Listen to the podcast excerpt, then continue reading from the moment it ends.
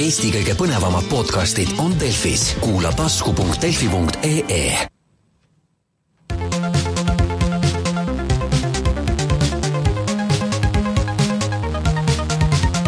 puhatajamäng.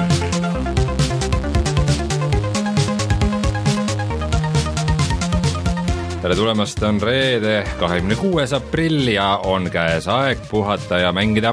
Minu nimi on Rein Soobel, minuga on siin koos Martin Mets tere! ja meil puudub Rainer, kus on Rainer? Rainer on seal neid õudusfilme vaatamas Haapsalus, ma sain aru, et see on tal iga-aastane traditsioon ja isegi saate pärast meil ta ei saa seda traditsiooni murda. okei okay., seoses sellega me otsustasime, et järgmine nädal on meil sünnipäevasaade. jah, et tegelikult kahekümne viiendal aprillil kaks tuhat kaksteist me salvestasime enda esimese saate, aga see tegelikult üles läks paar päeva hiljem, kahekümne seitsmendal aprillil, nii et eh, teeme nüüd niiviisi nagu, et meil seitse aastat eh, saab täis eh, siis järgmine nädal ja, ja siis pärast seda lähme kooli. saab lasteaed läbi ma arvan, ühel päeval, ühel hetkel me istume siin või mõnes teises stuudios ja arutame omavahel, et nii, et see saade on nüüd saanud täisealiseks ja võib nüüd alkoholi juua. seitse aastat, issand jumal, aga.... saame aga kasiinos mängida juba ja mikromakseid teha täiesti legaalselt. kas mikromaksed, kas mikromaksete tegemiseks sa pead olema täisealine või? hea küsimus, ilmselt tõenäoliselt sa saad sellest väga lihtsalt mööda, et sa ei pea seda olema isegi, kui kuskil see on kirjas isegi väikselt seal eulas kuskil, et sa pe- pead olema vähemalt nii ja nii palju vana, aga ma võin öelda, et äh, CSGO näiteks ei tunne neid piire. okei okay., aga mis meil siin vahepeal toimunud on näiteks meie äh, Youtube'il?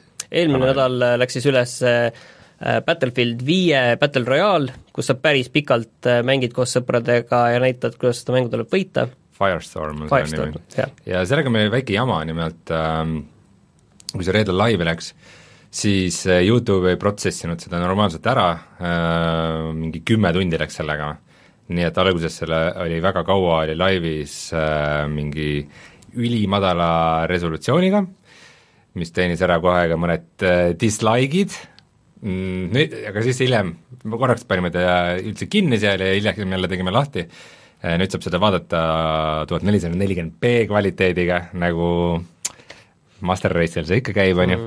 Ja täna siis läheb äh, ja, ja, tege- ja ma tahtsin öelda, minge siis, võtke need dislike'id ära, tehke need like ideks, on ju. on ju, teeme nii, Ja- lepime kokku, eks. täna siis läks üles äh, Days Gone, mis tuleb välja kahekümne kuuendal aprillil ja on uus äh, Sony suur eksklusiivmäng, millest me täna ka pikemalt räägime, seal me Raineriga natukene näitame seda mängu, me oleme mõlemad seda mänginud ja et äh, milline see on, sellest saab natukene sealt siis aimu, et pärast räägime sellest pikemalt. jah äh,, selle, tavaliselt me ei tee seda, et me enne saadet juba paneme video laivi, aga seekord äh, seekord panime, ma vaatasin selle ära, see oli väga huvitav ja mul tekkis juba igasuguseid küsimusi. Aga sa oled päris palju seda mänginud, et äh, jaa, kuskil kümme tundi, võib-olla nõksa vähem, aga kuskil sinnakanti. okei okay., et äh, ma arvan, et mul on mingi pilt nagu ees. okei okay., nii et äh, mootorrattad ja zombid on täna siis läbiv teema. avatud maailmas, jah. Aga me tahaksime tänada kõiki inimesi, kes on meid toetanud Patreonis ning äh, eraldi tahaksime välja tuua Daavit, Kristjanit, Jüri, Hendrikut, Felissit, Unistunetut, Hot Singles in your area't ja Priitu. tere tulemast, Priit! ja lisaks siis äh, kõikidele meie Facebookide ja Youtube'i ja mis iganes kanalitele leiate meid siis ka Delfi taskust, kus me oleme üks äh, paljudest podcast idest jaa, ja meid leiab ka Discordist, kus meie Patreoni toetajad saavad koos meiega juttu ajada ja me oleme seal olnud äh, suhteliselt aktiivsed viimasel ajal.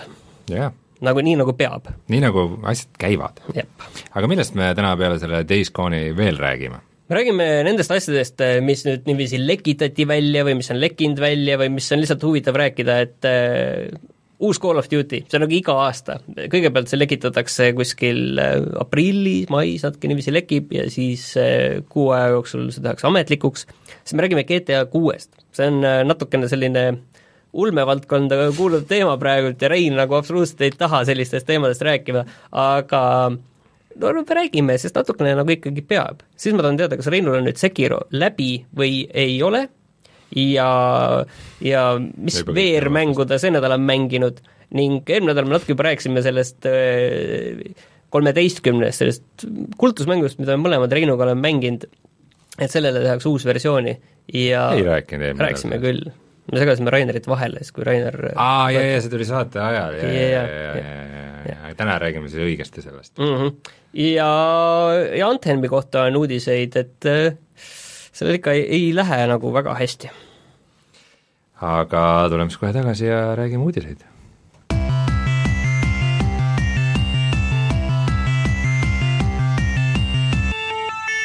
uudised ma natuke alustaks selle PlayStation viie lainel, millest me eelmine nädal natuke pikemalt rääkisime ja ma ei tahagi nagu väga PlayStation viiest seekord rääkida mm, vaid äh, ühest huvitavast kõlakast, mis sellega seoses tuli. seal oli hästi palju kõlakaid tegelikult, mis kohe hakkasid ringlema ja ja noh, väga paljud tundusid neist kohe olema absoluutselt äh, äh, väga kaheldava sisuga, aga üks on nagu huvitav, et GTA kuus on äh, PlayStation viie eksklusiivmäng.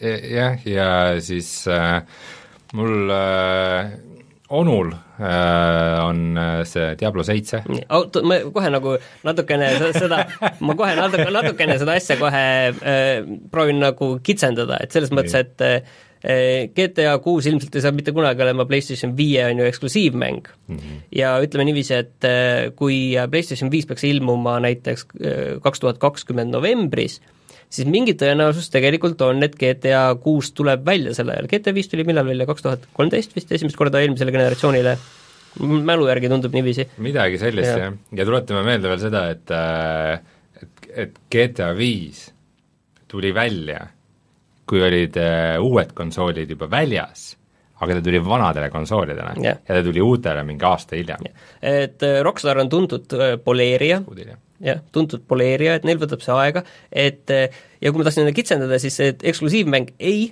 aga ütleme, et kuu aega eksklusiivsust ja sa saad nagu novembris ja seal pühade perioodil ja, ja sel hetkel saad endale GTA kuue ehk maailma ilmselt kõige kuumema mängu, et noh, seal nagu on mingi loogika, aga mul on see küll suur kahtlus, et, et nagu Rockstar suudab launch'i päevaks välja tuua uuele generatsioonile eksklusiivselt enda suure avatud maailma mängu. see nagu äh,, arvestades seda, kui palju Rockstar enda mänge edasi lükkab tavaliselt, kõik need mängud, Red Dead Redemption kaks, GTA viis, mis siin viimasest ajast meelde tuleb, on ju, kõiki on edasi lükatud korduvalt, korduvalt, ja see lootus, et nüüd nad teevad selle ja nagu ütleme näiteks kümnes november kaks tuhat kakskümmend on neil see mäng valmis ja nad on juba lubaduse andnud, et see nagu vaata, Sony võib neile ükskõik kui palju vaata raha maksta, on ju mm, -hmm. aga aga vaata, Rockstar teenib sellega niikuinii nii ropult, et GTA viis on siiani kõige äh, rohkem teeninud meelelahutustoode üldse mm. -hmm. et Rockstaril ei ole absoluutselt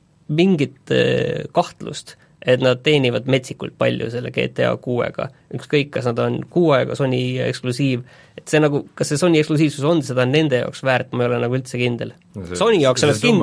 see summa peaks olema nii, ulmeline. miljard dollarit siis nagu see peaks olema jah, väga ulmeline summa, et Sony jaoks oleks kindlasti väga hea diil, on ju, aga see, et reaalselt nagu kas see on nagu Rockstari jaoks ka kokkuvõttes nii hea diil, et see nagu ära tasuks, et siin ma küll natukene kahtlen. no neid äh, GTA kuue lekkeid vist on praegu tulnud nagu mitmest kohast, nii et äh, natukene viid-, viidatakse, et see on töös, aga no number üks asi, miks ma sellist, sellesse praegu ei usu, on, äh, et see saaks olema PlayStation viie eksklusiiv, on just see, et GTA viis tuli, tuli kõigepealt vanadele konsoolidele, ehk siis äh, Rockstar nagu mõtleb.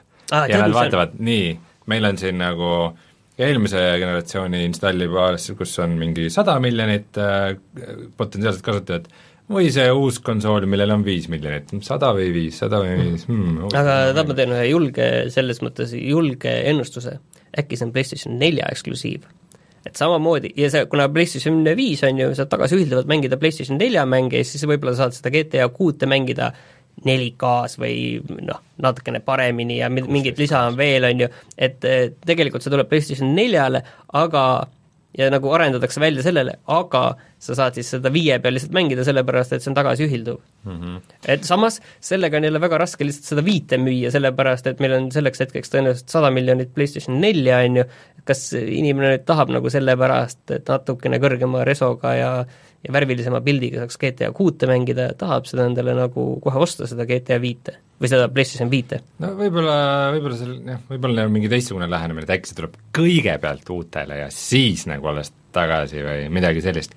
aga üks äh, teema, millest me nagu minu, minu meelest väga ei rääkinud, on see, et äh, eelmises saates, kui me rääkisime sellest PlayStation viiest, et kuna need on sellel samal nii-öelda nagu PC arhitektuuril põhinevad konsoolid, siis äh, see tähendab seda, et äh, meil ei ole ilmselt järgmise konsooli generatsiooniga oodata niisugust põuda, nagu meil oli siis, kui tulid PlayStation neli ja Xbox One. mida sa silmas pead? sest ma tuletan meelde, vaata, me oleme seda saadet nii amm-, nii kaua aega teinud, sa enam ei mäletagi, aga kui äh, tulid välja konsoolid, siis neil olid launch'i mängud ja siis tuli mingi aasta aega lihtsalt põuda. no seal oli pool seal... aastat, siis tuli vist mingi üks asi ja, ja siis oli pool kõik lükati edasi nagu, see sai mingiks miimiks juba, et nagu absoluutselt kõik mängud lükati edasi.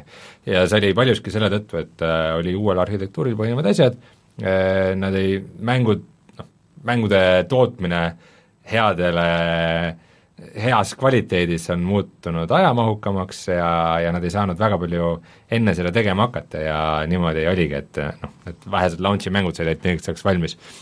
aga seoses sellega, et see PlayStation viis kasutab sama arhitektuuri, mis PlayStation neli, siis ma kahtlustan, et nii hull see situatsioon olema ei saa, nii et nad ühe, ühe suure probleemi on ka tegelikult mm. võib-olla juba lahendanud. aga võib-olla ärmegi räägi nüüd enam edasi sellest PlayStation viiest, vaid ainult et, GTA kuuest? vaid et ainult GTA kuuest, et mul lihtsalt kus see olla võiks? ei, isegi, isegi mitte kus see olla võiks, aga selles mõttes, et mis sa nagu tahaksid, mis, mis nagu sulle endale tunduks, et küll oleks huvitav, kui GTA kuus oleks nüüd selline?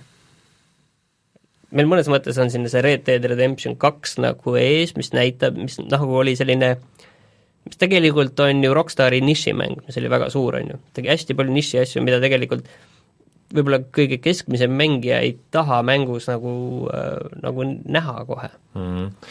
ma arvan, et äh,, et ta meenutab meile kõige rohkem seda GTA nelja. et ta läheb mingisse New Yorgi laadsesse suurlinna ja toimub just selle räpastel äh, tänavatel ja seekord on kõik suurem ja vägevam ja vaata, vaata see suurem ja vägevam, ilusam, aga selles mõttes, et GTA viis oli oma olemuselt ikkagi hästi selline äh, noh, väga paljud asjad olid veel sellisest GTA kolme ajastust tegelikult, sellised missioonid ja, ja mida sa teha saad ja mhm. selline üldine liikuvus ja kõik, kõik see oli nagu selline väga noh, selgelt ikkagi eelmine generatsioon, noh, see tuligi eelmisel generatsioonil kõigepealt välja, on ju, et mhm. oma olemuselt ikkagi oli selline väga vana, et et kas tõesti mingit sellist dünaamikat nagu lisada, aga mul on tunne, et seda on keeruline, mõtleme kas või sellist Middle Earthi tüüpi dünaamikat või, või sellist, et see on ilmselt liiga palju tahetud sellist tüüpi mängust, on ju? Äh, et, et GTA kuues sa jahid orke või?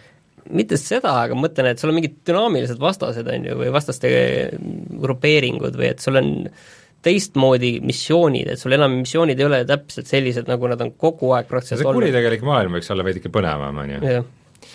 aga, aga olgem ausad, ega nad liiga palju sellest oma valemist ilmselt kahjuks jah, vot see on nagu kõige suurem äh, mure, et see tuleb äh, sisuliselt äh, samasugune, aga lihtsalt ilu, ilu, ilusam ja värvilisem ja suurem ja rohkem, rohkem autosid ja rohkem sõidukeid ja rohkem purunevaid maju. okei okay., kuule Rein, aga sina oled suur Call of Duty fänn meil olnud, sõnastasin õigesti äkki või?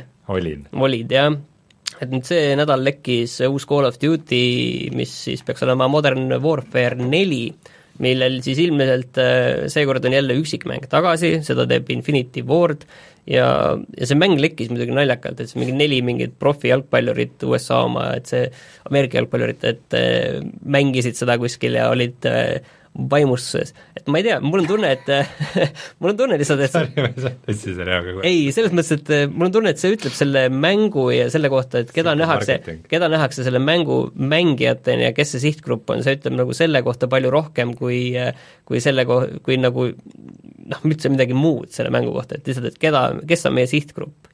minu meelest see on kui nad on nii suure, suurtesse massidesse läinud mäng, siis nende reklaamikampaaniad ongi niisugused, et võtame sportlasi ja räppareid. eelmine nädal oli, eelmine aasta oli vist ka, kui ma ei eksi, siis mingi, mingi pesapalluri või korvpalluri kuskil mütsi, oli mingi nokamüts, millel oli see mütsiga lööma. jah, ma isegi ei mäleta, mis see eelmine aasta Call of Duty nüüd oli, aga see on see, kus see üksikmäng ei olnud.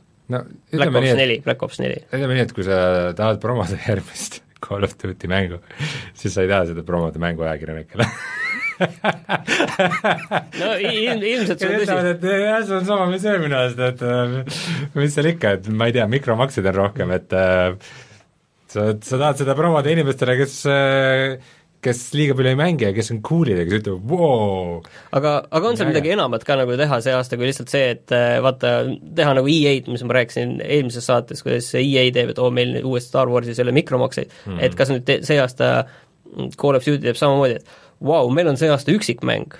et see, seda mängitakse nagu eriti suure kaardina lauale, et noh, need ise, ise eelmine aasta ei saanud sellega hakkama, et seda valmis teha ja võtsite selle ära sealt küljest, et nüüd meil on nagu üksikmäng. minu, minu arust palju põnevam küsimus on võib-olla see, et äh, kas seal on Battle Royale?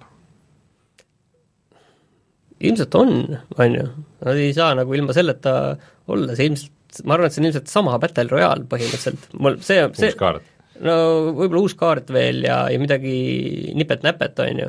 aga, aga ma arvan, et see Blackout on sama, et sa saad võib-olla isegi koos mängida nende eelmise aasta Call of Duty omanikega, ma ei noh, ma ei imestaks isegi seda. see mm, läks veidike mõtteläng sassi, aga noh, Bla-, Blackout oli ilmselt ikkagi nagu üsna niisugune kiirustatud projekt, et äh, kuigi ta tuli selle kohta väga hea välja tegelikult. ta tuli selle kohta okei okay,, aga ikkagi Blackoutil võib-olla oli ikkagi see eelis, et äh, nad olid esimene selline nagu äh, mitte, mitte Pupk või mitte Fortnite äh, niisugune suur triple A arendaja, kes äh, tuli oma selle Battle Royale'iga, et noh, et kõik need Apexid ja Firestormid ja igasugused need värgid on nagu tulnud ikkagi märksa hiljem.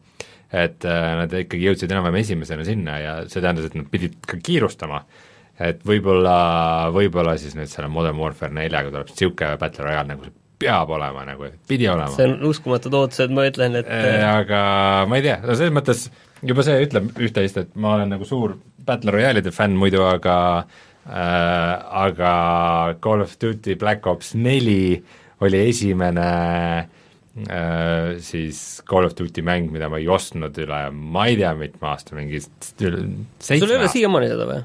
sa ei ole seda Blackouti ka mänginud või? äh, betat mängisin ja no see oli pärit isegi praegu on tasuta ju. no, sul ei ole üldse huvi? see oli nagu okei okay,, aga jah, põhimõtteliselt ma ei tea, kui Apex tuli, siis nagu kaotasime mõtte, sest et Apex teeb nagu sama asja, aga paremini. aga väga kurb nüüd me oleme natuke liiga palju sellest lekkest rääkinud juba, aga see ei ole leke, see on lekitatud, see on ametlik info. aga väga kurb on lihtsalt, et, et nad ainult äh, nagu elavad nii-öelda vana rasva pealt. et tulevad ainult, ma ei tea, mis numbritega need kuremased blackout'id ja Modern Warfare'id lõpuks nagu olema peavad, kui nad ütlevad, et oo, et me nüüd teeme midagi uut. et noh, World War kaks ka ei olnud nüüd midagi väga uut, et äh, on näha, et seal ikka sellist loomingulist power'it seal taga praegu väga ei ole, et lihtsalt pigistavad vana rasva pealt välja, mis, mis annab mm. -hmm. kurb kahju, aga eelmine nädal me juba rääkisime natukene sellest mängust kolmteist äh,, mis tuli vist välja, kui, kui ma nüüd ei eksi, oli kuskil kaks tuhat kaks või kaks tuhat kolm, mis 2003, oli oma aja kohta väga see... revolutsiooniline mäng, sest see oli FPS, mis oli selle cel-shaded koomiksi graafikaga, kõik koomiksilikud efektid äh, ja, ja mis oli päris pika, noh, see oli üksikmäng, päris pika looga ja, ja ta oli tegelikult isegi päris huvitav. ta tuli välja PlayStation kahele, originaalsele Xboxile, PC-le ja GameCube'ile mm,. okei okay seda, ma mina mängisin seda kunagi arvuti peal ja ma kahtlustan, et, kahtlustan, et mitte seda kõige lega-, legaalsemat versiooni. ma vist ka liiga legaalset versiooni ei mänginud, eks aasta oli kaks tuhat kolm. Ubisofti mäng ja see lugu oli siis selline, et sa olid siis mälukaotusega ärkasid mees, rannalt. ärkasid kuskil rannas ülesse ja sul oli kuskil tätoveering siis Rooma numbritega kolmteist ja siis äh, tuli välja, et äh, sa ei mäleta mitte midagi, aga aga tundub, et sina tapsid Ameerika presidendi. vähemalt kõik teised arvavad ja nii. kõik teised arvavad nii ja siis sa pidid põgenema ja tapma väga palju pahasid oma teel. story oli isegi enam-vähem huvitav ja selle peategelane oli siis David Duchovny salatoimikute kuulsusega, kes oli võib-olla selle mängu kõige nõrgem osa, ta kuidagi eriti unise uimase häälega luges oma lauseid sisse, et ta nagu üldse ei tahtnud seda, selles mängus osaleda äh,. Aga nüüd tuleb sellest uus versioon ja see tuleb äh, siis selle aasta lõpus. see ilmub novembris ja mina saan aru, et tegemist on ikkagi selles mõttes uusversiooniga, et see ikkagi äh, äh, tehakse ikka väga-väga kõvasti üle, sest aega on läinud mööda, inimeste ootused äh, FPS mängule on natukene aja jooksul äh, muutunud, et see päris nagu toorest sellist porti ei saa pakkuda mm, -hmm. et see nagu mulle küll tundub küll huvitav ja, ja sellist laadi mänge nagu vaata, mida nagu tegelikult sellise stiliseeringuga ei ole üldse praktiliselt Borderlands.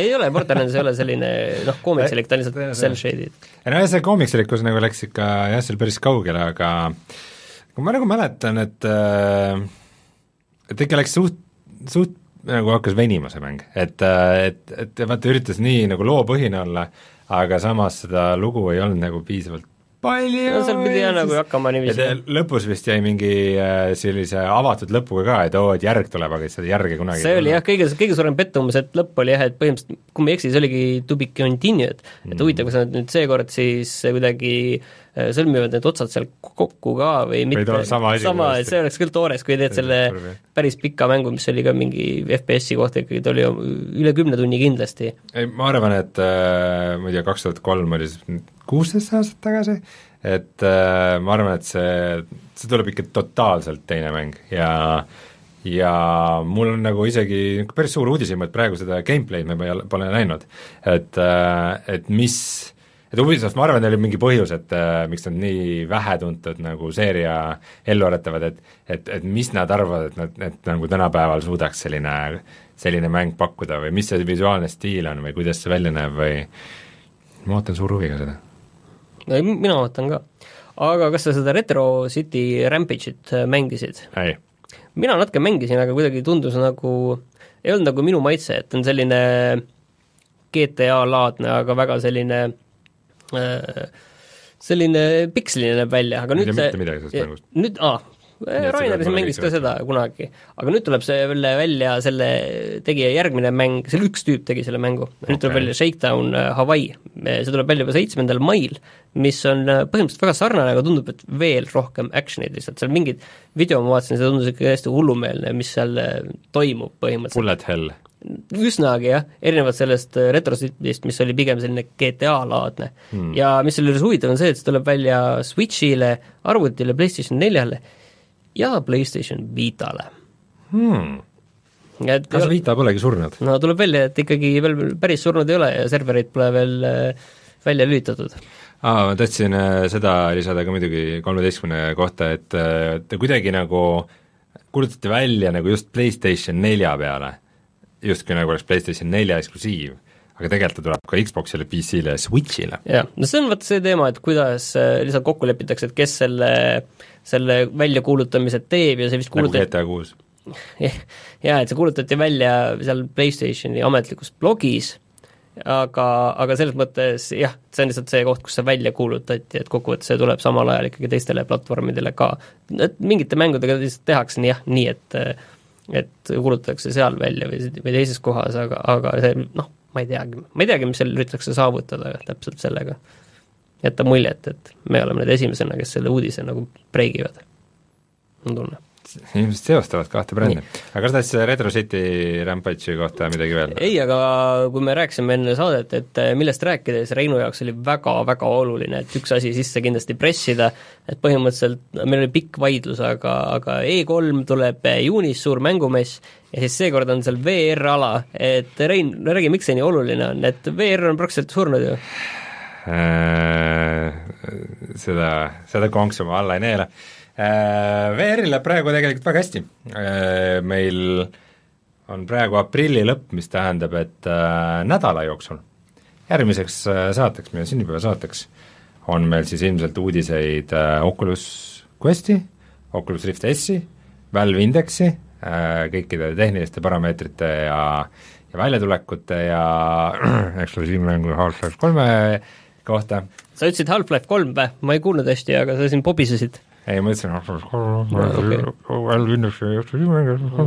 Eh, ehk siis eh, pluss see, et eh, PlayStation viiele kindlasti tuleb VR-seade, VR pole kunagi olnud nii, nii heas positsioonis kui praegu, kahekümne viiendal või siis kahekümne kuuendal aprillil kaks tuhat üheksateist, aga VR ei ole olnud E3-l väga hästi esindatud. et on olnud noh, Sony on nii muuseas kuskil nurga taga näidanud mingeid asju ja ja Oculus on ka mingisuguse oma putkaga olnud, aga niisugust nagu tsentraalset niisugust nagu VR-ala ei ole, et see aasta, kui suured tegijad nagu jäävad E3-lt kõrvale ja ajakirjanikud peavad nagu millestki kirjutama, siis äh, võib-olla on just VR-il õige hetk seal vaata, aga sina, sina oled käinud mõne, mõningatel VR-i messidel ka, et äh, kui ma nagu mõtlen nagu kõrvalt nagu E3, on ju, siis VR on selliste messide jaoks nagu äh, ühtepidi Perfect. nagu väga hea ja teistpidi ei ole ka, sellepärast et ühtepidi et noh, VR-i sa saad, sa saad sellest aru, kui sa seda koged, on ju mm. -hmm. et noh, lihtsalt äh, seda niisama pildiga ei ole võimalik, on ju, edasi anda mm. -hmm. aga teistpidi äh, ilmselt äh, seal võivad olla veits järjekorrad, sest ikkagi neid äh, masinaid, mida üks inimene korraga saab proovida, on ikkagi väga-väga piiratult, et kui mingid teised mängud siis, mida seal äh, saab mängida, siis vähemalt sa saad kõrvalt vaadata ja suhteliselt hästi saad aru, millega on tegemist, VR-i puhul on nagu see, et noh, ainult siis, kui mina, mul on see kiiver peas, ainult siis mina saan aru ja keegi teine ei saa aru midagi. nagu see ekraanid, need tavaliselt koopiad ju. no see ei ole nagu see ju okei, okei, ma ei tea. sa näed seda inimest ja sa näed ekraani, mis ta teeb, ei, ma ei tea, see ei ole kunagi nagu väga probleem olnud, aga kõige parem on ikka ise proovida, jah hmm., jah. ma ei tea, see ei ole takistus. aga, aga mul on hea meel, et äh, siis on VR-arendajatel koht, kus ennast näidata ja särada ja loodetavasti tuleb siis häid VR-mänge väga palju uh. -huh. kas sa teadsid, et äh, Superhoti VR-versioon on rohkem teeninud raha kui Superhoti tavamäng? ei teadnud seda, sellepärast et nad VR-asjadest küsivad seda jõhkramat hinda või tuimalt nende VR-i early adopterite käest. just. täpselt nii. aga enne, kui me lähme lasiidikad maksavad. jah, enne kui lähme äh, mängude juurde, siis äh, reedel toimub järgmine mängude öö seekord äh, on see reedel, siis äh, nagu... kinos Sõprus, nagu kahekümne kuuendal aprillil reedel. jaa hmm., ja see hakkab pihta kell kümme õhtul, vist uksed avati vist pool tundi varem, ja see on siis seekord kaheksateist pluss üritus ja kui ma nüüd ei eksi, siis pilet peaks olema kuusteist eurot, tavapilet. et loodan, et riidehoid on. mis? Ma loodan, et riidehoid on. no see, ma saan aru, et see on põhiküsimus, aga samas äh, ilmad on juba soojad, võib-olla lähed ilma palituta kohale. vot see ongi see, et see on mängude öö ja õhtud on külmad. ja ööd eriti. no ma ei tea, siis äh, kütad seal kuumaks. kui sa nüüd aru ei saa, siis see on põhimõtteliselt minu jaoks otsustav faktor, et kas ma lähen sinna või mitte. kas riidehoid on? No ma loodan, et keegi äh, vastab sulle seal mängude korraldajatest. mängude annab... tiim, palun äh, tehke asjad selgeks. jah, ja ma igaks juhuks ütlen üles keskenduge ka... vähem räppimisele ja rohkem riietehoidule, on ju. et ma lihtsalt kordan üle, et kaheksateist pluss siis on ju, et äh, kõik teaksid, et pärast ei oleks muresid. ja nagu ikka, seal on kõik turniirid äh,, möllud ja värgid, et mis seal kõik on ja suur turniir on, ma saan aru, seekord siis äh, Mortal Combat. üksteist. kas see tuli just välja või? see tuli just välja, jah kohe turniir. ja tegelikult see on väga äge, sest et ja see, selles mõttes on küll, et esiteks nagu keegi ei ole saanud liiga palju harjutada ja teiseks, äh, teiseks seda on nagu huvitavam vaadata ka selles mõttes, et oo oh,, et uus mäng, uued fatality'd, vaatame, kuidas ja kindlasti jah, tõsi. ja selles mõttes on äge äh, see Mortal Combat üheteistkümnest on peamiselt räägitud äh, ühest asjast, jah? ühest asjast, jah. me ise ei ole keegi seda mänginud, Rainer, Rainer, Rainer oli mänginud vist või? Äh, Rainer ütles, et ei ole jõhker grind imine, aga aga keegi Redditis kuulutas, et selleks, et äh, kõiki neid skin'e saada, siis äh, kui sa ei taha grind ida, kui sa teed lihtsalt üksikmängu läbi, aga sa ei taha grind ida, et saada skin'e, siis sa pead maksma kuus tuhat nelisada nelikümmend dollarit. või siis kolm tuhat tundi, seda mängima? ei, kui sa ei taha grind ida, et siis sa pead maksma. no mille, mille peale kas need on need skin'id, selles mõttes, et noh, need skin'id, noh, ma arvan, et mina elaks üle, ma ei ole küll suur aga fatality't ka nojah, see on võib-olla natukene, natukene selline keerulisem asi, aga mis kuidagi olid ikka mängus sees, aga lihtsalt, et sa ei näe neid kombosid aa, sa pead teadma neid kombosid. et ta lihtsalt teadma, mis ei ole nagu internetiajastul suur asi, aga see vist ei ole nii suur asi. ma ei tea, see, see oli veel, et et need Netherrealm või mis see stuudio on mm, -hmm. me seal kuulutasid, et ei, et meil et, et just, just mis probleem oli see, et inimestele tundus, et ikka nagu räme grind on see, et noh, et tõesti, et nagu vastased on tehtud ilgelt tugevaks ja ja hästi vähe saab vastu ja no ikka nagu meelega niimoodi disainitud, et et, et see maksaks ikkagi raha. ja see Netherrealm stuudios ütles, et ei, ei, ei, et meil on bugi tuli sisse, et natuke liiga rasked vastased ja nagu see on küll niisugune come on, päriselt, et see kui niisugune bugi teil sisse tuleb, siis ma ei tea, tehke parem niisugune bugi, et kõik saavad mängu tasuta. ei, niisugune bugi juba läbi ei lähe. kurat. nii, aga tuleme siis kohe tagasi ja, ja räägime peamiselt Days Gone'ist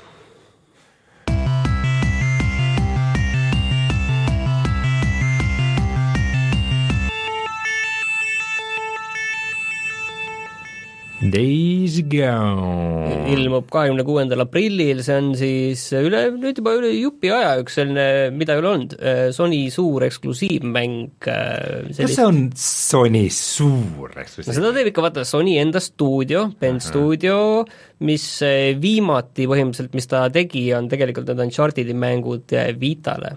üks oli mingi kaardi okay., kaardimäng, et see, mis ei olnud eriti oluline, aga teine oli see põhi Uncharted'i mäng, mis tuli välja Vita launch'iga põhimõtteliselt äh, kuskil ma lugesin ka, et kaks tuhat viisteist see juba läks nagu töösse niiviisi, et okei okay,, meil kõik inimesed sellega tegelevad, mitte enam niiviisi mingi väike tuumiktiim, kes mõtleb välja, mis sinna tuleb, seda on tehtud ikka väga kaua, see tegelikult, tegelikult on suur mäng, Sony minu meelest ise panustab sinna ka ja selle mängu juures võib-olla kõige huvitavam on see, et äh, selle, kui inimesed on kuskil proovida saanud seda messidele ja siis see tagasiside on olnud niiviisi, et noh, ei tea, mis see siis on, on ju. Mhm. aga see on siis selline avatud maailma mäng, kus äh, postapokalüptiline, su vastased on zombid ja kus siis sina oled äh, selline mootorrattur oma mootorrattaga, et see on nagu, sul ongi üks liikumisvahend ainult peale jalgade, see on mootorratas.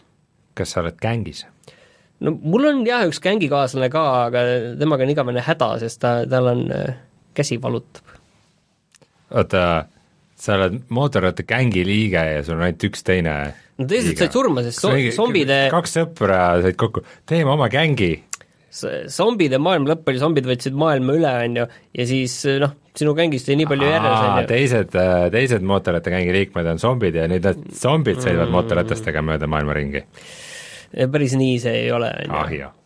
Kurat, see oleks päris aga... hea, kasutamata võimalus. tõsi. aga selles mõttes see on, ma olen seda mänginud siin ligi kümmekond tundi mm -hmm. ja selle kogupikkus peaks olema kolmkümmend tundi, see on ainult üksikmäng, mitmikmängu ei ole, ja mulle tundub, et, et see on nagu mäng, mis mingil hetkel on olnud niiviisi, et no me paneme siia sisse praktiliselt kõik, mida avatud maailma mängudes põhimõtteliselt teha saab. ja siis niiviisi ükshaaval mingeid asju on nagu välja korjatud, aga väga-väga paljud asjad on sinna sisse jäänud. mis selle võib-olla kohe, nad kohe, et mis seda eristab võib-olla teistest tavalistest avatud maailma mängudest, nagu äh, Far Cry või Red Dead Redemption või Assassin's Creed, on see, et see nõksa rohke, rohkem äh, rõhub äh, sellisele survivor'ile.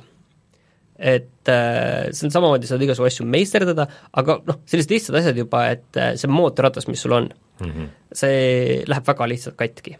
sa sõidad kuskile vastu puud, vastu mingit kaljud, suure hüppe ja, sõidad mootorrattaga kõrge kiirusega vastu puud ja mootorratas läheb katki, aga inimene? Äh, saab ka viga. aga selles mõttes, et ja sa pead kogu aeg korjama endale seda scrap'i või ehk siis niisama no, mingi vidinaid, on ju, et, et enda mootorratast parandada.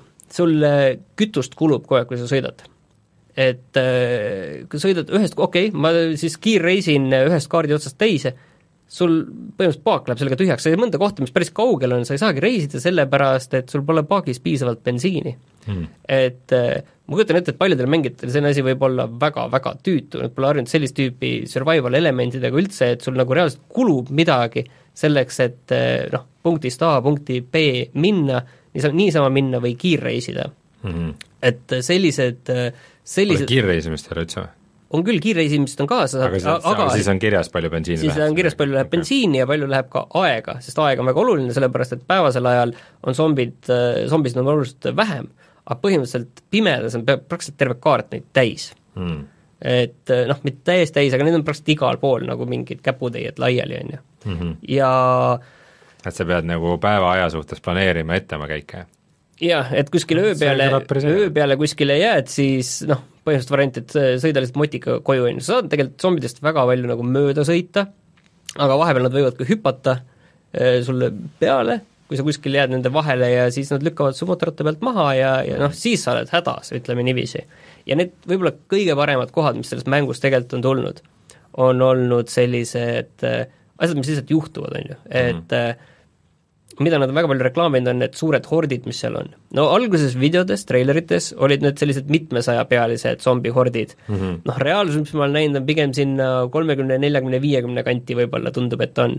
ja siis ka need natukene, need äh, zombid seal natukene nagu äh, niiviisi äh, ütleme nii, et nad nagu silmi ei pilguta? ja nad nagu äh, käivad ühte sammu, vaata, et sa nagu kaugelt vaatad neid, siis, siis seal on nagu kümme erinevat zombit, mis teevad enam-vähem nagu sama asja, nagu näed, et sama liigutust teed kuidagi, et nad on sellised hästi kuidagi seal taga toimub mingi tark protsessimine, mis proovib päästa seda PlayStation nel-, neli Prod, mille peal ma seda mängin, proovib seda päästa, seda masinat nende zombide eest, mis seal niiviisi korraga tulevad mm, -hmm. et kuidagi jõuaks neid on ju välja vedada, ma kujutan ette neid zombisid, seda hordi, et see alguses oligi seal, ma kujutan ette, kakssada okei okay,, meil päris seda välja ei vea, võtame siit viiskümmend maha. No võtame veel kümme maha ja veel kümme maha, on ju, ja võtame siit veel, veel kümme maha, no võtame nüüd kolm maha ja see on niiviisi seda, selle peenhäälestamine ilmselt seal taga on olnud äh, selline väga keeruline töö, et seda masina jõudlust ja seda visuaalset pilti nagu äh, ühtseks saada, et see oleks mm -hmm. nagu selline äge kogemus. aga ma tahtsin, korra tahtsin küsida, et mis neid ellujäämiselemente siis veel on peale mootorratta eest hoolitsemise?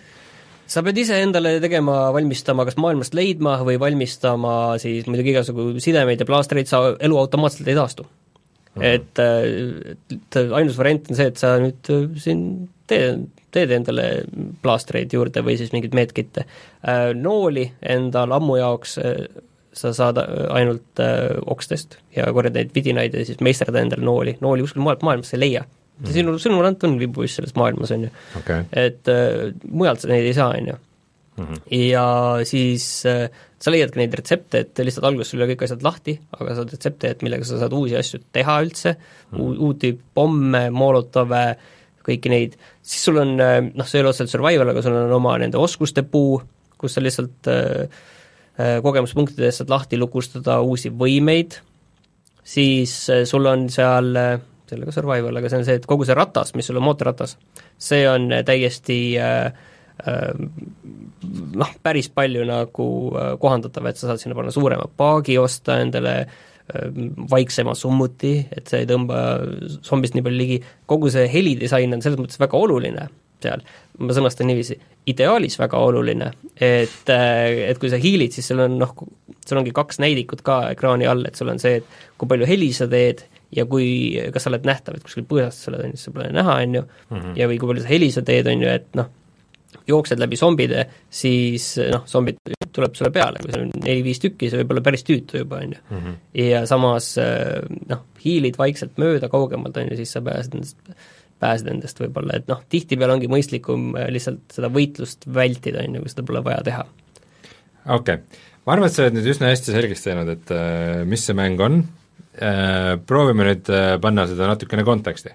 et PlayStation nelja peale on olnud siin, või ütleme, Sony üldse viimastel aastatel on äh, väga kõvasid hitte eksklusiive välja lasknud, Last of Us, Horizon Zero Dawn, God of War, Spider-man ja nüüd siis Days Gone on ka, nagu sa ütled, siis ikkagi Sony nagu oma stuudiomäng ja see Metacriticu skoor praegu on kuskil seitsmekümne ligi või? isegi palju. mis on nagu päris kehv tulemus.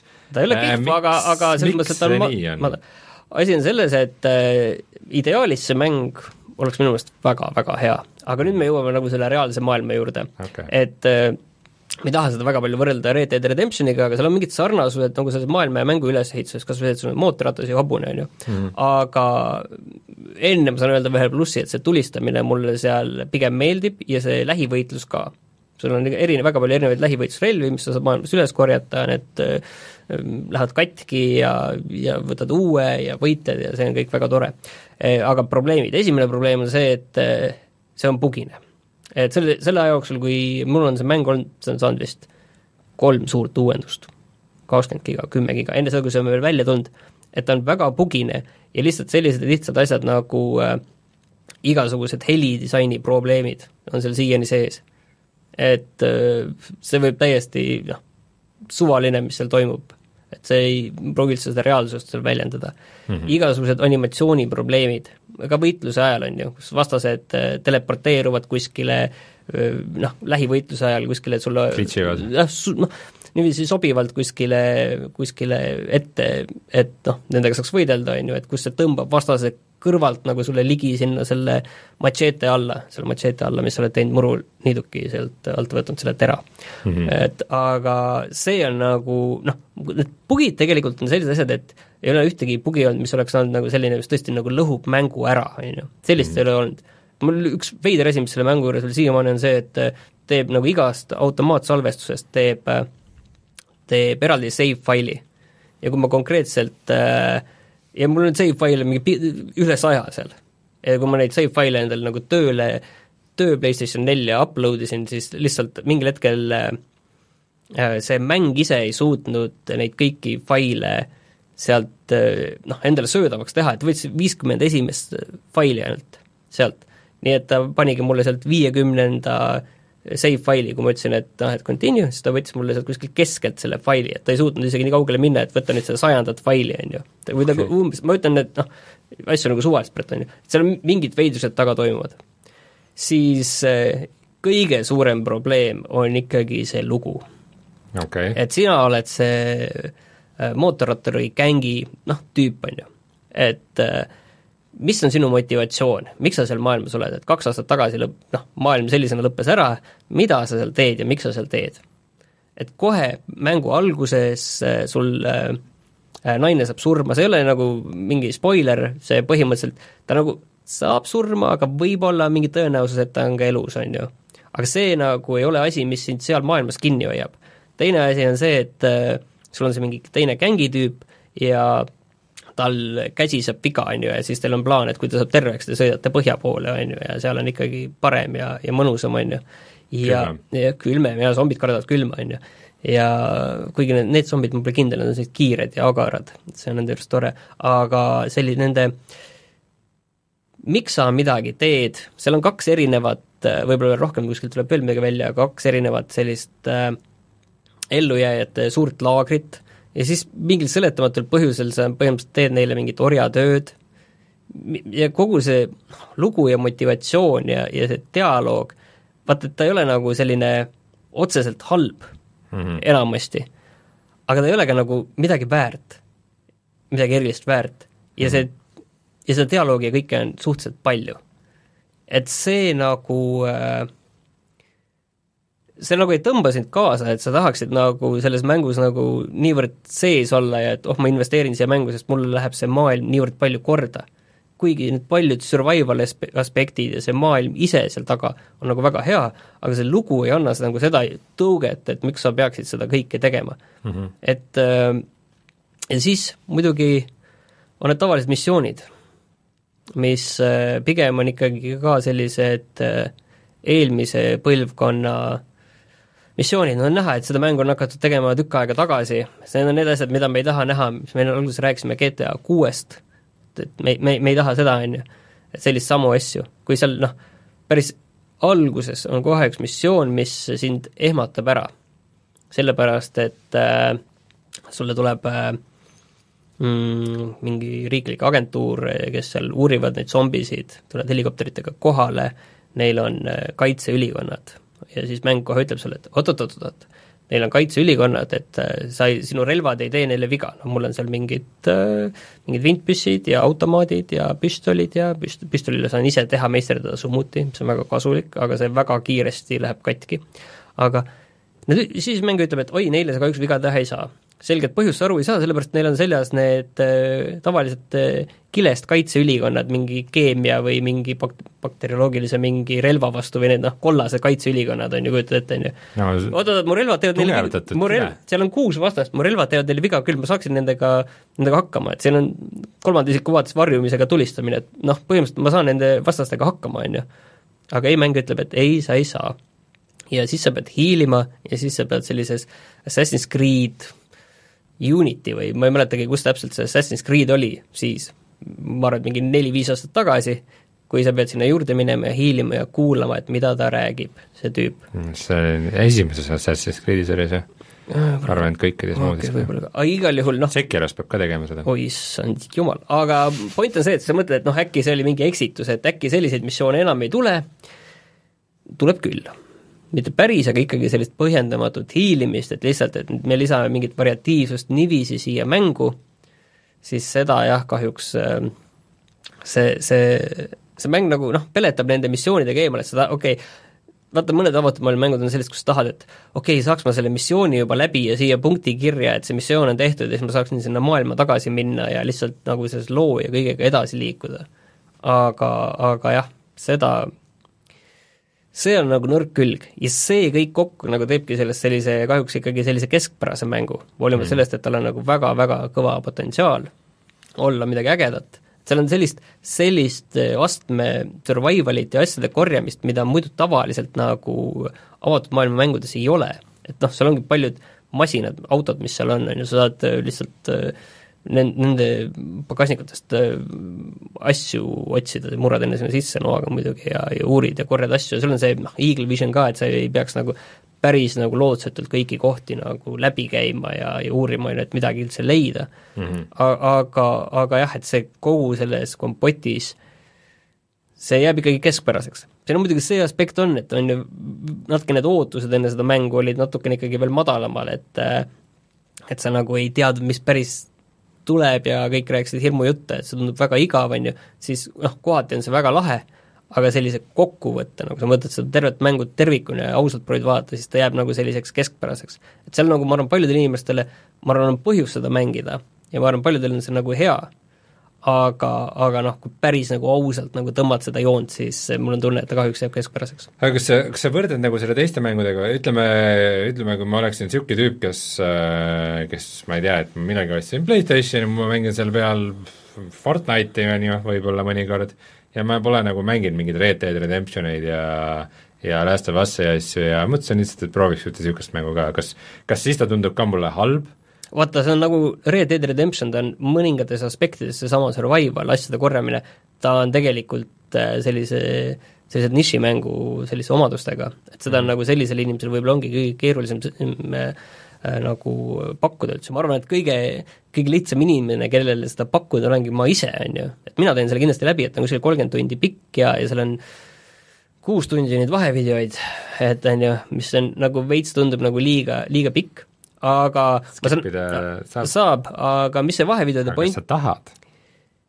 Eh, kusjuures ma olen juba skip inud mõnes kohas, ma tean, et, ma tean, et kahjuks te nüüd siin räägite ja eh, ma tean, et teil ei ole mulle midagi olulist öelda. et aga see vahe see, see hetk, kui sa hakkad mängus äh, skip ima vahevideosid, tavaliselt on juba mida, midagi on juba läinud, jah. aga miks seal vahevideosid nii palju on, on põhjus siis väga lihtne, on ju, et kui me võtame The Last of Us'i, mis on väga poleeritud mäng, millel on ka survival elemendid, aga need on väga konkreetsed, väga lihtsad, aga need on väga head, aga väga lihtsad konkreetsed valikud sul, on ju, ja asju ei ole palju. Ja mida, mida samamoodi Unchartediga, et on, need on nii poleeritud, et kuidas see vahevideo läheb mänguks üle ja seal on selline sujuvus, et äh, seda äh, Days Gone ei suuda pakkuda. et seal on alati need hetked, et nüüd on see, sa tuled kuskile kohta, sõidad, siis tuleb see vahevideo, aga nende, ja siis sa lähed maailma tagasi, aga nende kohtade vahel veel on väiksed laadimisajad mm., kus nagu sellest vahevideo pikkusest pole piisanud selleks, et seda äh, laadimist seal taustal ära maskeerida. ja seda ongi nagu väga-väga palju seal olnud.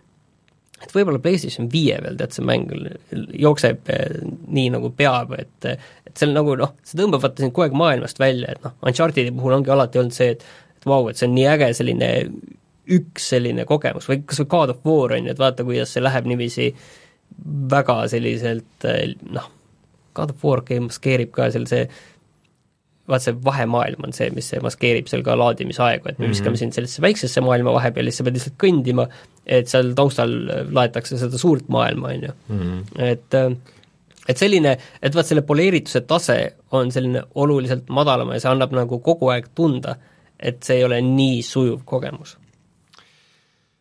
kas sa arvad, et neil jäi siis ikkagi lõpuks ajast puudu või? Ma ei tea. mul on, mul on selline tunne, mul, mul on tunne, et ma, et nad eh, lihtsalt ei suutnud seda niiviisi tööle saada, nagu, nagu nad oleksid tahtnud, nagu see ideaalis mõtlesid, et see mäng välja näeb. et, et seal on nagu, mul on ka tunne, et mingite osadega nad on jõudnud sinna peaaegu kohale, et kuidas see peaks olema, aga mingite osadega, mul on tunne ka, et see on lihtsalt nagu tehniliste probleemide taha jäänud, et seda lihtsalt nagu paika saada. ilmselt muidugi aega ka, sest, sest noh, need bugid ikkagi näitavad, see bugide hulk näitab, et seal nagu neid noh, lihtsalt pole jõutud seda valmis teha.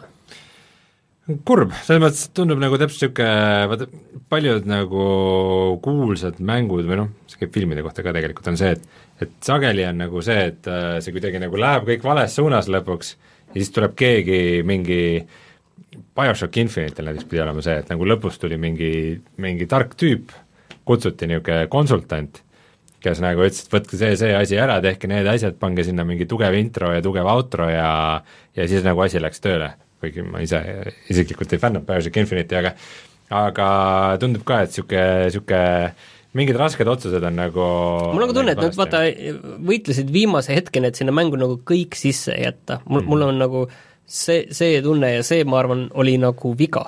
et kui nad oleksid otsustanud, et okei okay,, me mingi aspekti siit nagu kaotame siit mängust ära, et mulle väga meeldib see avatud maailma selline, sellist survivalit ma ütlen, ei ole sellisesse nii suure kaliibriga avatud maailma mängu minu meelest üldse pandudki mm. -hmm. ja see on nagu väga äge. aga lihtsalt, kui nad saaksid, oleks noh, kui lugu ja missioonid jäävad nagu keskpäraseks või ei tõmba sind kaasa avatud maailma mängus, siis sellest noh, üldjuhul äh, see on suur probleem ikkagi. okei okay,, proovi, proovi nagu üldise kvaliteedi mõttes kuidagi teda positsioneerida, et kuskil Red Deadi ja Mafia kolme vahel. No Mafia kolm oli ikka noh, see, seal nagu ei olnud missioonidega vaeva nähtud, et seal oli tehtud kolm missiooni ja siis pandud copy, copy-paste, on ju. Noh, aga ta, ta, ta, jääb suht täpselt sinna vahele. Okay.. selles mõttes, et kui ma peaksingi nagu suvalisele inimesele tänavalt äh, pakkuma täna avatud maailma mängu, on ju, siis il-, ilmselt ma ikkagi pakuksin Red Dead Redemptionit mm. -hmm. kahte, on ju, et see, et hoolimata sellest, et ta on selle nišilaadne, ta näitab seda, et noh, millised videomängud tänapäeval on ja kui, kui poleeritud nad on, et sellist avatud maailma mängu üldse noh, ei ole lihtne teha nii kõrge tasemega, et sa iga minuti tagant ei näe seal mingit koledat animatsiooni või mingi asi kuskil ei hüppa eest ära või kuskil mingi taustal mingi äh,, mingi graafikaelement ei klipi sisse kuskil või ei hüppa välja, on ju, et et selliseid asju ei oleks, on ju.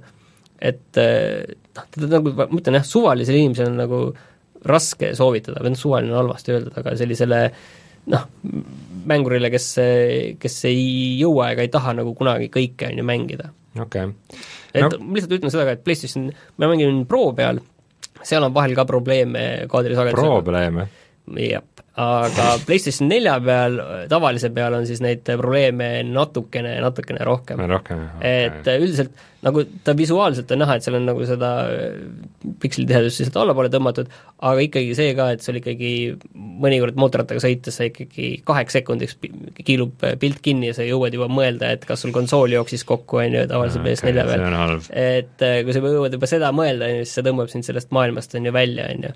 Et äh, selles mõttes kokkuvõttes mul on nagu, mul on ühtepidi hea meel, et ta on parem, kui ma arvasin, aga teistpidi mul on kahju, et see on need, need mingid aspektid selle ikkagi noh, rikuvad selle mängu ära, et selle üldpildi, et ei ole ikkagi nii ideaalne mäng. okei okay,, mul on kaks küsimust veel.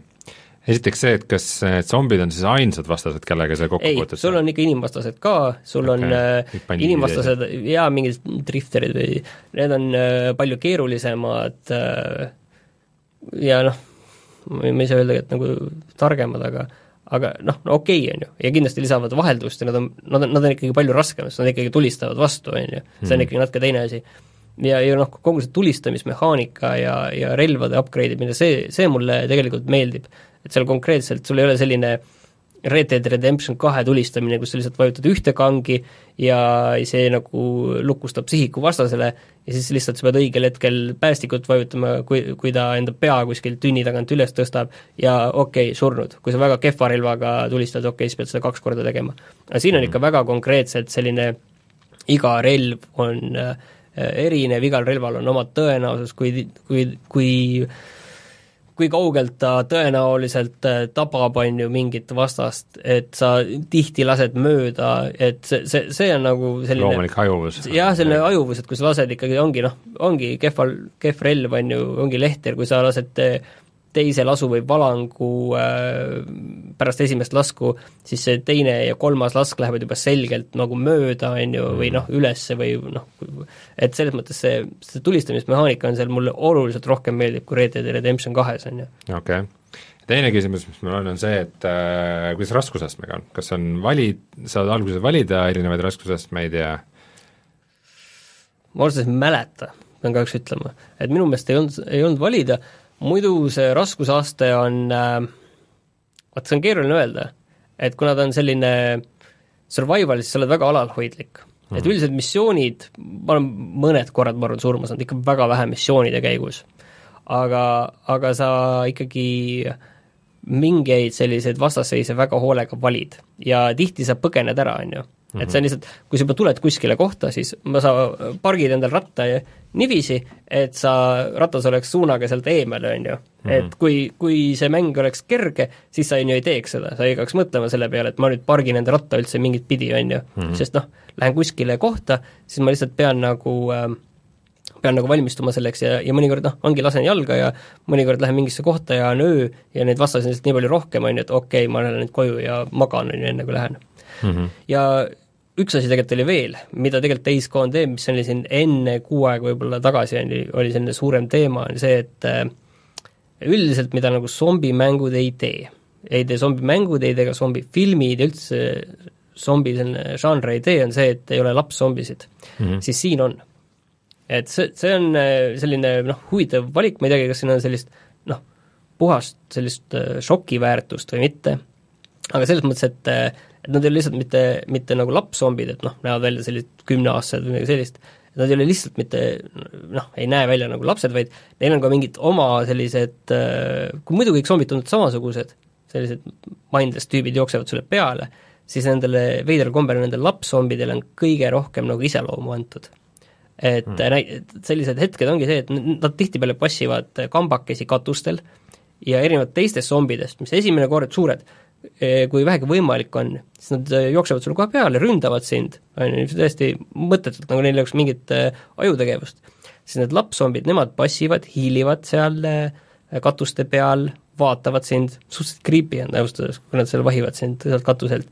ja nad pigem ründavad sind siis, kui sa oled haavatud mm, -hmm. kui, kui, või, või kui sa nagu surud nad lihtsalt nurka ja hakkad nendega ise võitlema.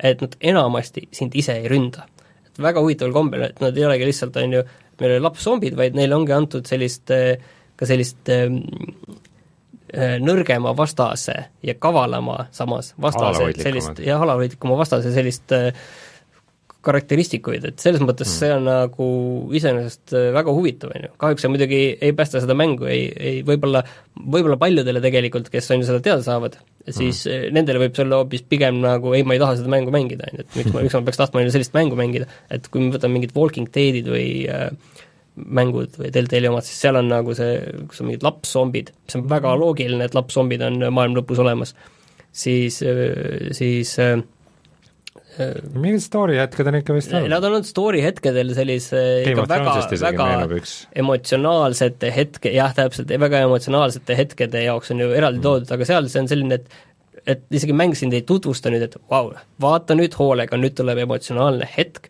siin on lapszombi, kellel on enda mõistus.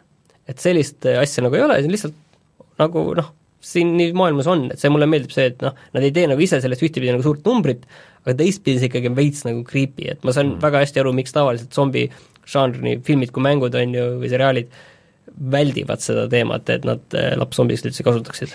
see, nüüd kui sa mulle Game of Thronesi meelde tuletasid, sa tead, et äh, see osa, mis pühapäeval tuleb, on ilmselt kõige kallim. kõige suurem ja kallim äh, lahingusseen, mis kunagi on telesarja jaoks toodetud.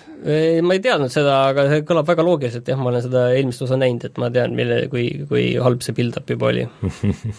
see, see Battle of the Bastards oli küll ikka väga, väga tegi. no aga see selleks, okei. et ma arvan, et nüüd on nagu aga mingi muidu neid mingeid eri tüüpi zombisid nagu ei ole, et muidu Ei, ei, muidu on ka natuke- mingeid zombide klasse, hevid, kusjuures sellist otsest nagu heavy ei ole, ma tean, Hunterid, ma olen, ma olen zombikaruga zombikaruga olen võidelnud suurega, et aga aga plahvatavaid zombisid ei ole. Karulapsi, Äh, hundid on ka sellised mingid, ma isegi ei tea, kas nad on zombid või mitte, või lihtsalt kurjad hundid on ju, raske vahet teha. ja, ja seal, aa ja muidugi, et ma ütlengi, et seal on kõik olemas, seal on ka see, et sa saad jahtida, on ju, ja ja sa saad loomi jälitada ja haavad loomi ja siis sa pead öö, otsima nad üles, on ju, ja, ja, ja et seal on noh, hästi paljusid erinevaid asju on sinna korraga nagu sisse pandud mm. -hmm. ja, ja, ja noh, ma tahan nagu, et see töötaks minu jaoks, aga ta töötab nagu mingile maani ainult kahjuks. okei, vot, et äh, aga eks ma mingin edasi, ma teen kindlasti läbi, vaata, mul ei ole kordagi sellist tunnet, et Rainer mängib ka seda, et mul ei ole kordagi sellist tunnet, et ma jätaksin selle pooleli, Rainer juba, juba hakkas rääkima, et ei tea, et ega vist tema seda läbi ei jõua teha. no mina tean üsna kindlalt, et ma seda mängima ei hakka Hmm. äh,. Aga, aga kes tahab teada rohkem selle kohta või näha, kuidas see välja näeb, siis on meie Youtube'i kanalil video juba üleval, minge tõtake ja vaadake ja vajutage kõiki neid like-nuppe ja kellukese nuppe ja subscribe-nuppe ja kõike, mida te pole varem, varem äh, vajutanud. aga mina kasutasin äh, siis vahepeal äh, sellist tulevikutehnoloogiat nagu virtuaalreaalsus selleks, et äh, käia puhkusel Äh, kus sa käisid puhkamas? Äh, kolmes kohas. ma räägin siis äh, mängust nimega Vacation Simulator. seal on rand, seal on mets ja seal on mäed. Aga no oota, oota, ei, selles mõttes mind huvitab ikkagi, et kas sa olid nagu äh, puhka Eestis tüüpi kodupuhkus või äh, läksid RMK matkarajale äh, või on siis see kuskil, et sa käisid nüüd äh, Prantsuse Rivieras ma või panin peaseadme pähe ja aga no kõik visuaalselt, mis need kohad olid? äh,. Visuaalselt on nad niisugused nii geneeriliselt, kui äh, vähegi võib äh,, sest et tegu on siis järjega ühele niisuguse virtuaalreaalsuse launch'i mängule nimega Job Simulator. ja Job Simulator on äh, põhimõtteliselt äh, alguses kõik need mingid VR-mängud, mis alguses välja tulid, Job Simulator oli põhimõtteliselt nagu kuningas interaktsioonide alal mis tähendab seda, et sa said nagu tõesti nagu enam-vähem kõike võtta, kõigega teha asju, need asjad kombineerusid kuidagi naljakalt, et äh, selle esimese Job Simulatori story oli põhimõtteliselt see, et äh, kauges tulevikus, kui ma ei tea, kas üldse inimesi veel alles on või on ainult robotite maailm, siis äh, robotid tegid nii-öelda nagu muuseumi. et äh, kunagi ammustel aegadel, et kui inimesed käisid tööl ja mis nad siis seal tegid, et nüüd sa saad selles muuseumis nagu proovida, aga see on kõik niisuguse, niisuguse kihvti huumoriga nagu, et nii nagu robotid sellest asjast aru said, et umbes, et sul said proovida mingit kontoritööd, läksid mingisse kontorisse ja oli arvuti, arvutil on ainult kaks klahvi, üks ja null, sest noh, mis mm. sisestad asju, et nagu, et no mis muid nuppe ikka vaja on. ja siis tegid äh, asju, mida nende arvates inimesed pidasid vaadake see oluliseks. üks, üks ja üks, üks, üks ka, vaat saad kiiremini sisestada. jah, miks mitte. ja siis äh, tegid asju, mida robotite arvates siis tollastel inimestel, kes kontoris töötasid, olid olulised, et tegid, vaatasid arvutist kassi pilte ja tegid kolleegidele sünnipäevakaarte. et see oli nagu suht kõik, mis sa nagu tööalaselt tegema pidid, aga aga noh, kõik asjad kontoris, mis seal olid, et sa said seal teha omale erinevat tüüpi kohvi, sinna igasuguseid asju sisse valada, pärast kohvi umbes lilla potti valada ja siis sul oli umbes paljundusmasin, mis tähendas seda, et ükskõik, mis objekti sa võtsid, mingi klammerdaja või tooli või mis asja panid paljundusmasinasse ja vajutasid nuppu, siis tuli teisest otsast oli seesama objekti duplikaat välja, põhimõtteliselt sa said oma käe panna masinasse, tuli käsi välja, panid oma pea, panid sinna paljundusmasinasse, tuli aju, koopia tuli välja, et nagu seal juhtus nii palju nagu jaburaid asju nii, aga kuna sa räägid vaata nii palju sellest job simulaatorist siis mul on tunne, et äh, no räägi. jaa, sa, sa oled õigesti ma, ma hammustasin läbi selle jah. Vacation Simulatorit on nad vist juba päris tükk aega teinud ja ja seal on jällegi väga palju erinevaid asju, millega sa võid interakteerida ja mida teha ja võtta ja loopida ja kombineerida, puhkusel ma ei tahaks nagu midagi väga teha. aga aga vaat seda teravust enam ei ole või seda story, story teravust, seal on erinevad hõljuvad robotid, kes on välja, põhimõtteliselt nagu, nagu hõljuvad arvuti, vanakooli arvutimonitorid umbes, aga neil on näod peas ja mingid mütsid või prillid või mis iganes. ja kui sa tahad mõnega rääkida, siis lähed juurde, lehvitad ja siis ta räägib sulle oma loo ära ja seal on hästi palju minimänge.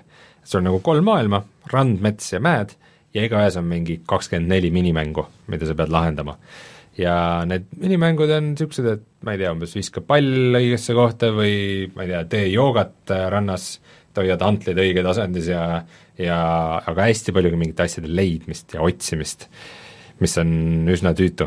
Äh, mis mulle seal ilmselt kõige rohkem meeldivad, on igasugused niisugused a la Overcooked'i äh, mängud, kus sa pead, kus sul on e-, mingid erinevad köögid, miskipärast meeldib mängudes süüa teha, ma ei tea, mis no muidu ei meeldi või? muidu ka, aga mängudes on see tavaliselt lõbusam.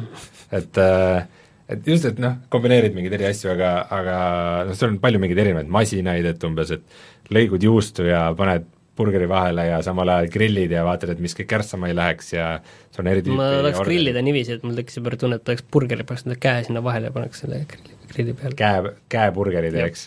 ja seal on palju nagu mingeid jaburdusi, et on näiteks üks on, masin on dehüdraator, et ta absoluutselt kõik, mida sa leiad, kõik, kõigest saad teha niisuguse kuivatatud versiooni või kõigest saad teha vahvli, umbes et köögis oli mingi ukuleele, loomulikult ma panin ta kõigepealt dehüdraatorisse ja siis vahvlimasinasse ja sain ukuleele vahvli.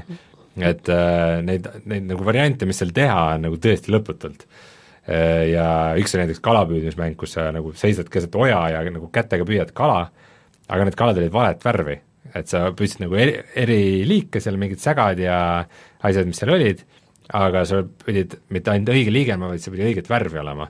see tähendab, et sa pidid õigete asjadele sisse söötma. et äh, alguses seal ripuvad mõned asjad, aga siis ongi, et sa lähed kuhugi mingisse teise osasse mööda kaarti, otsid ringi, nii, mul on vaja mingit, mingit oranži kala, et mis asjaga ma saan selle oranžiks teha, siis ma ühest külmkapist leidsin mingi apelsinimahla, siis ma põhimõtteliselt äh, püüdsin jõest sulpsatava kala nagu oma käega kinni, võtsin seljakotist apelsinimahla ja siis lihtsalt valasin talle seda kurku ja selle peale ta muutus oranžiks, ma andsin ära, sain oma quest'i tehtud, et nagu niisuguseid äh, elemente ja asju juhtub seal palju, et äh, nagu kinda lõbus. Mm. Aga ma just tahtsin öelda seda, et tegelikult äh, paar asja, millele ma tahaks nüüd tähelepanu juhtida, on see, et kui keegi Reinu juttu äh, kuulates arvas, et tegemist on sellise hüperrealistliku mänguga, kus sa jalutad sellisel ilusal äh, väga realistlikul rannal, siis mm. tegelikult see on hästi selline värviline ja multikalik ta on hästi selline multikalik ja lihtsustatud.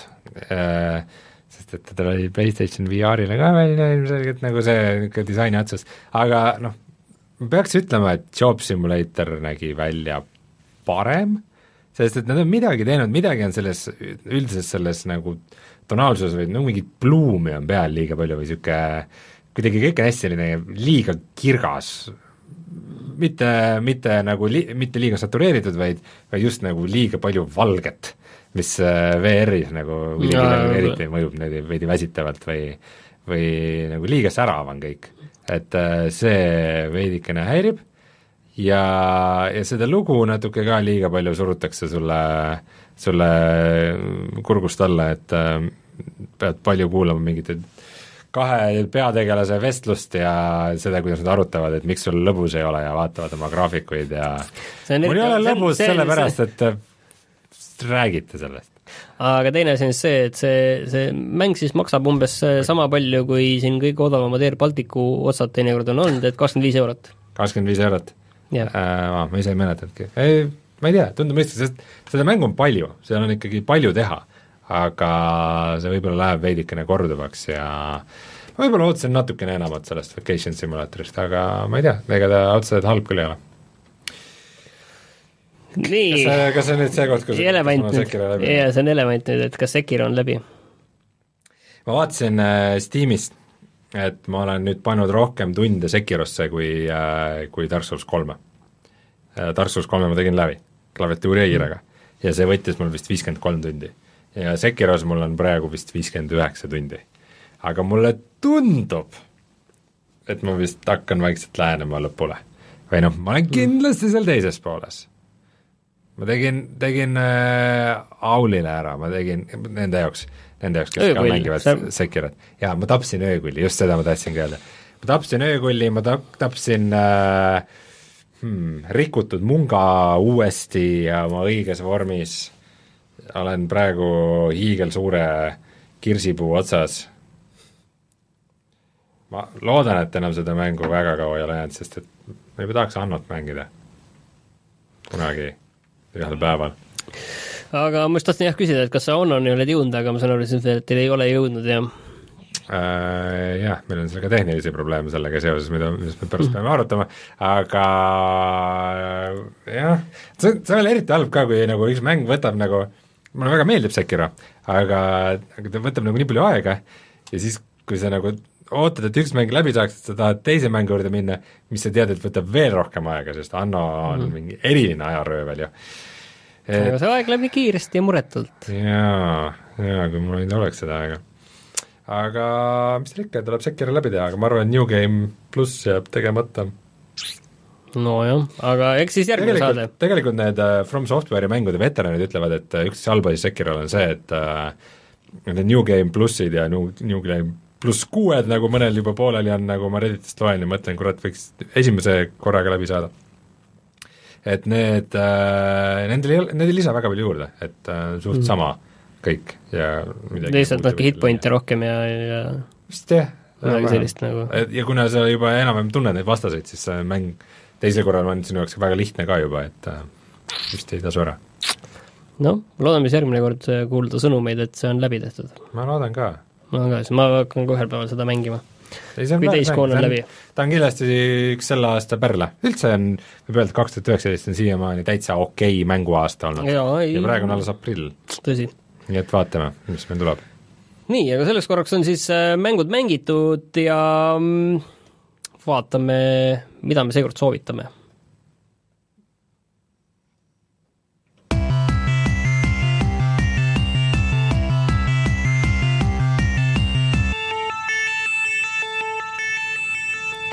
ma vaatasin, et äh, Steamis on äh, Northgard väga odav. mul on kolmteist eurot ja Northgard on hea mäng tegelikult, mida me võiksime kunagi koos mängida, see on siis äh, strateegiamäng, kus äh, sa ei mänginud seda koos või? ei, ma mängin seda koos, jaa, ei mänginud, aga kus sa oled ähm, viiking ja, ja pead viikingite küla üleval pidama, aga seal selle teistest, teistest äh, reaalaja strateegiamängudest teeb siis selle erinevaks see, et seal on aastaaegade vaheldumine ja see on tõesti oluline.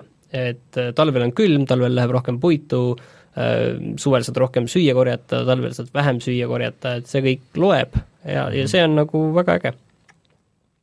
Äh, see Northgard, jah, et sa nüüd soovitad seda, ma vaatan, et tal on ka tulnud ka lisa juurde, et nad sellepärast selle vist alles panidki, et äh, uus klann on ka mängus, aga see story, ei, see kampaania, kampaania- oli igav jah, kahjuks. see oli ikka, ikka ja PlayStation neljal on käimas ka jälle suur allahindlus, ma ei teagi, see on minu arust on nagu kogu aeg viimasel ajal suur allahindlus käimas, näiteks äh, Battlefield üks näiteks maksab seal viis eurot praegu, kui tahad osta, et mm. -hmm. et need hinnad kukuvad ka suhteliselt äh, ulmeliselt. okei okay.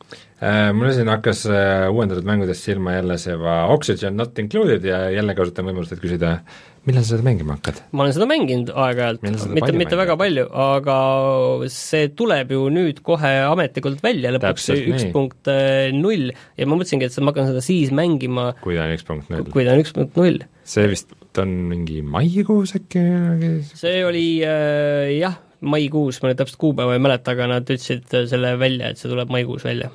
Okay. et see, see on nagu äge, see on siis mäng, mis toimub äh, maa all kuskil kosmoses mingi, mingi, mingi taevakeha sees, kus sa pead ehitama asteroidil. asteroidi, jah, kus sa pead eh, ehitama enda baasi sinna sisse ja noh, nali juba on, et kas DLC-ga on, siis tuleb hapnikku kaasa.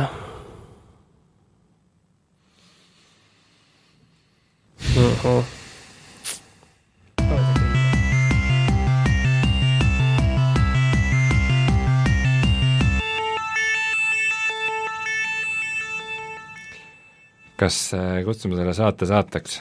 kutsume saateks, jah, ja siis järgmine nädal siis teeme sünnipäevasaate, nii nagu peab, tõenäoliselt Rainer nagu tavaliselt toob šampust ja, ja no, teeb siis ma pean äh, taksoga tulema. nojah kas äh, lähed siis äh, oma täiskooni rüppe tagasi ja mina oma Sekiro rüppe ja, ja mitte midagi pole muutunud? plaanin selle läbi teha. kuule, kas me ei pidanud mingit träna laiali jagama? aa, me pidime välja jagama täiskooni äh, nokamütsi ja mm, räti ja me palusime inimestele endale saata lugejakirju ning me valisime võitjaks välja Kristjani. okei okay., palju õnne! palju õnne, Kristjan! Sellega on siis äh, tänane kahekümne kuuenda aprilli saade jõudnud lõpule. järgmine kord siis palun tulla kuulama lilledega ja lipsud panna ette kõigil. mina tänan. mina samuti. head aega